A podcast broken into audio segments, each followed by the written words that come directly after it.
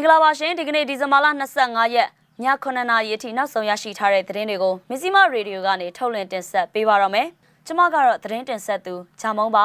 ။ထိုင်းဘက်ချမ်းကိုလက်နက်ကြီးကြီးတွေကြားတဲ့အတွက်ထိုင်းဘရင်တပ်မတော်ကတင်ကားတွေနေဆက်စီချီတက်လာပါတယ်။စစ်ရဟတ်ရင်တွေလက်နက်ကြီးတွေနဲ့ပစ်ခတ်တာကြောင့်စစ်ပေးရှောင်ပြည်သူတွေထိုင်းကိုထွက်ပြေးနေရပါတယ်။ကရင်လူမျိုးစစ်တိုင်းမှုဗိုလ်ချုပ်စောတန်းလှိုင်လက်အောက်ခံတပ်က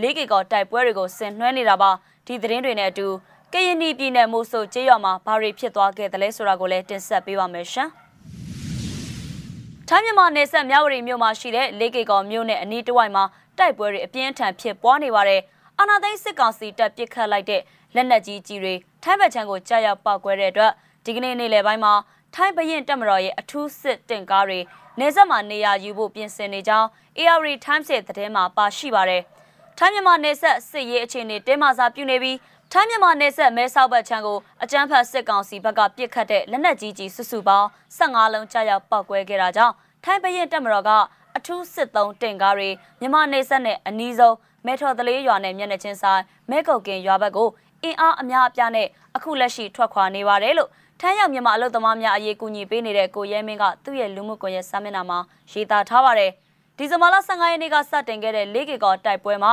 စစ်ကောင်စီတပ်ကပစ်ခတ်တဲ့လက်နက်ကြီးကြီးတွေ ထိုင်းဘက်ချမ်းမှာရှိတဲ့ကျေးရွာတွေထဲကြာရောက်ပောက်ကွဲခဲ့တဲ့အတွက်ထိုင်းစစ်တပ်ကမြန်မာဘက်ကိုပြန်လည်ပစ်ခတ်မယ်လို့သတိပေးပြောဆိုထားပါတယ်။ဒီကနေ့မနက်ပိုင်းမှာလဲစစ်ကောင်စီတပ်ဘက်ကပစ်ခတ်တဲ့လက်နက်ကြီးကြီးတစ်လုံးကထိုင်းဘက်ချမ်းမှာရှိတဲ့မော်လီချိုင်ကျေးရွာအတွင်းကြာရောက်ပောက်ကွဲခဲ့တဲ့အတွက်လူနေအိမ်တစ်လုံးထိခိုက်ပျက်စီးခဲ့ကြောင်းလည်းသိရှိရပါတယ်ရှင်။ကရင်ပြည်နယ်မြောက်ရီမြို့တောင်ဘက်မှာရှိတဲ့မင်းလက်ပံမှာဒီကနေ့အကြမ်းဖက်စစ်ကောင်စီကရဟတ်ရင်နဲ့ပစ်ခတ်တာလက်နက်ကြီးတွေနဲ့ပစ်ခတ်တာတွေကြောင့် ပြည်သူတွေကြောက်လန့်ပြီးထိုင်းနိုင်ငံဘက်စီတောင်ရင်းမြစ်ကိုဖျက်ကျော်ပြီးတော့သွားနေရတဲ့အကြောင်းဒေသခံတအုပ်ကရန်ကုန်ခေတ်ကိုသတင်းပေးပို့ထားပါတယ်။ဟိုဘက်ကန်ကထိုင်းစစ်သားလာခေါ်တဲ့အခုလေရင်နဲ့လည်းပြစ်တယ်လက်နက်ကြီးနဲ့လည်းပြစ်တယ်အတန်တွေကျဲတော့ကြောက်ပြီးတော့ကူးကုန်ကြတာလို့သူကပြောပြတာပါ။အကြမ်းဖက်စစ်ကောင်စီကဒီကနေ့မိုးလဲပိုင်းတနာရီခွဲဝန်းကျင်ကစပြီးစစ်လေရင်တွေနဲ့ပြစ်ခတ်နေပါတယ်။ဒီလိုအာဏာသိမ်းစစ်တပ်နဲ့ KNU ကြားတိုက်ပွဲတွေကြောင့် Dash ပြည်နယ်မဲဆောက်ခရိုင်ကိုထွက်ပြေးလာကြတဲ့မြန်မာဒုက္ခသည်တိုင်းကိုလူသားချင်းစာနာထောက်ထားမှုပြသတဲ့အနေနဲ့ကုညီစောင့်ရှောက်သွားမယ်လို့ထိုင်းဝန်ကြီးချုပ်ပရယစ်ချန်အိုချာကမနေ့ကပြောသွားခဲ့တာပါဒုက္ခသည်တွေအတွက်စေဝါနဲ့အစားအစာတွေထောက်ပံ့နိုင်ရေးကိုလည်းပြင်ဆင်ဖို့အာဏာပိုင်တွေကိုညွှန်ကြားထားပြီးဖြစ်တယ်လို့လည်းသိရပါတယ်ရှင်တောင်လျှောက်ပြစ်တော့မယ်အဲ့ဒီဘက်ရောက်တာနဲ့ဒီကနေမဲထော့တလေးကနေကွေးတယ်ကွေးပြီးတော့မဲဝါခီဘက်ချန်ရောက်တာနဲ့ပြစ်ချတယ်နှစ်စီးလုံးပဲပြစ်ပြီး လေးကီကောဒေတာကိုစစ်အင်အားအလုံးရင်းနဲ့ဝင်ရောက်ခဲ့တဲ့တပ်ကအမှတ်73စစ်စင်ရေးကိုကဲမှုဌာနချုပ်စကခ73ဖြစ်တဲ့အကြောင်းဒေသကြီးဆိုင်တန်လွင် press သတင်းဌာနကရေးသားထားပါတယ်။စကခ73ကတင်းနှင်းသာရီတိုင်းဒေသကြီးဗုတ်ပြင်းမြို့မှာအခြေစိုက်ထားတဲ့စစ်စင်ရေးကိုကဲမှုဌာနချုပ်ပါစစ်စင်ရေးကိုကဲမှုဌာနချုပ်ဆိုတာကလည်းစစ်စင်ရေးတွေဆောင်ရွက်ဖို့ဖွဲ့စည်းထားတဲ့တိုက်ခိုက်ရေးတပ်ဖြစ်ပါတယ်။လက်ရှိစကခ73ရဲ့တပ်မှုကဗိုလ်မှူးချုပ်ကျော်စေရဖြစ်ပြီး ဒီတပ်ကကမ်းရိုးတန်းဒေသတိုင်းစစ်ဌာနချုပ်လက်အောက်ခံတပ်လည်းဖြစ်ပါတယ်လက်ရှိကံယူရန်တိုင်းစစ်ဌာနချုပ်တိုင်းမှုကကရင်လူမျိုးစစ်ဗိုလ်ချုပ်စောတန်းလှိုင်ဖြစ်ပါတယ်။ဗိုလ်ချုပ်စောတန်းလှိုင်ကကရင်ပြည်နယ်ဖအံမြို့ဒေသခံတအူးဖြစ်တယ်လို့ဖအံမြို့အထက်တန်းကျောင်းကနေ10တန်းအောင်မြင်ခဲ့ပြီးတော့စစ်တက္ကသိုလ်အပတ်စဉ်39ကိုတက်ရောက်ခဲ့သူပါ။လက်ရှိစစ်တိုင်းမှုတွေထဲမှာတအူးတီသောကရင်လူမျိုးစစ်တိုင်းမှုလည်းဖြစ်ပါတယ်။သူကကံယူရန်တိုင်းစစ်ဌာနချုပ်တိုင်းမှုတာဝန်မထမ်းဆောင်ခင် ကော့ကရိတ်မြို့အခြေစိုက်စကခ12မှာဌာနချုပ်မှုဖြစ်လဲတာဝန်ထမ်းဆောင်ခဲ့ပူးပါတယ်။ကရင်ပြည်နယ်တဲ့စစ်ကောင်စီတပ်တွေရဲ့စစ်စင်ရေးတာဝန်တွေကိုအဓိကကုတ်ကဲနေတဲ့သူကတော့အမှတ်လေးစစ်စင်ရေးအထူးအဖွဲ့မှူးဒုတိယဗိုလ်ချုပ်ကြီးအောင်စိုးဖြစ်ပါတယ်။ဒုတိယဗိုလ်ချုပ်ကြီးအောင်စိုးကကရင်ပြည်နယ်နဲ့တနင်္သာရီတိုင်းဒေသကြီးတွေမှာရှိတဲ့စစ်တိုင်းမှုတွေရဲ့အထက်ကနေစစ်စင်ရေးတာဝန်တွေကိုကြီးကြပ်ရသူလည်းဖြစ်ပါတယ်ရှင်။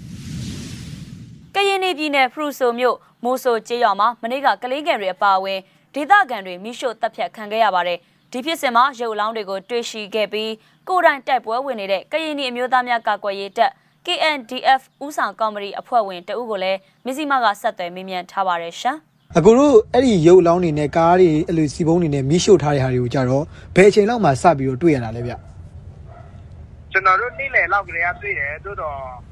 မနေ့ကမှကျွန်တော်တို့ကြည့်လောက်ကဟိုပါဗောနော်ဒါလည်း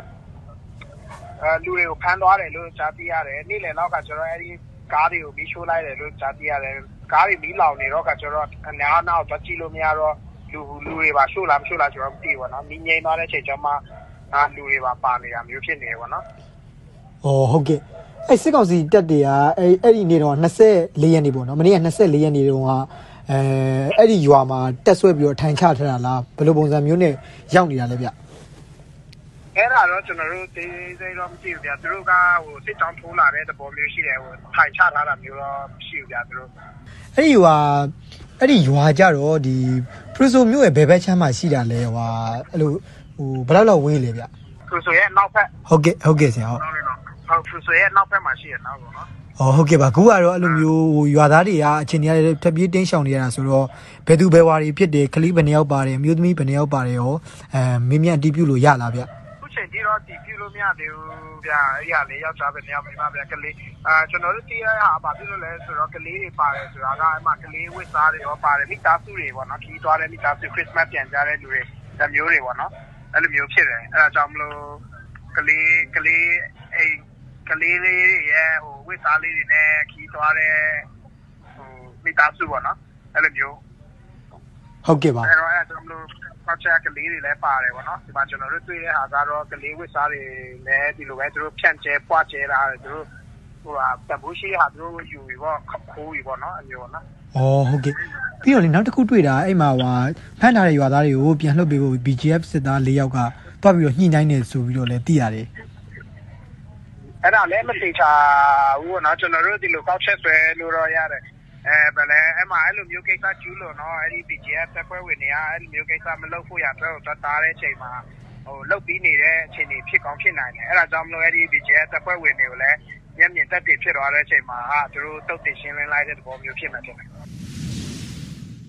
မဇီမရေဒီယိုရဲ့ည9နာရီအထိနောက်ဆုံးရသတင်းတွေကိုတင်ဆက်ပေးခဲ့တာပါ။စောင့်မျှော်နားဆင်ပေးခဲ့ကြတဲ့အတွက်ကျေးဇူးတင်ပါတယ်ရှင်။